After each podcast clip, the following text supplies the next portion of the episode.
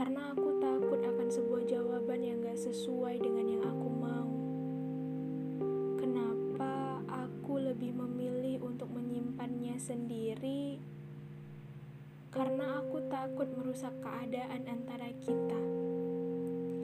Ya, karena kalau kamu tahu, semua akan selesai. Semua yang menyenangkan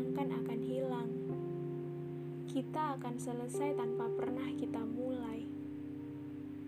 Aku lebih memilih untuk menyayangi kamu tanpa menaruh harapan.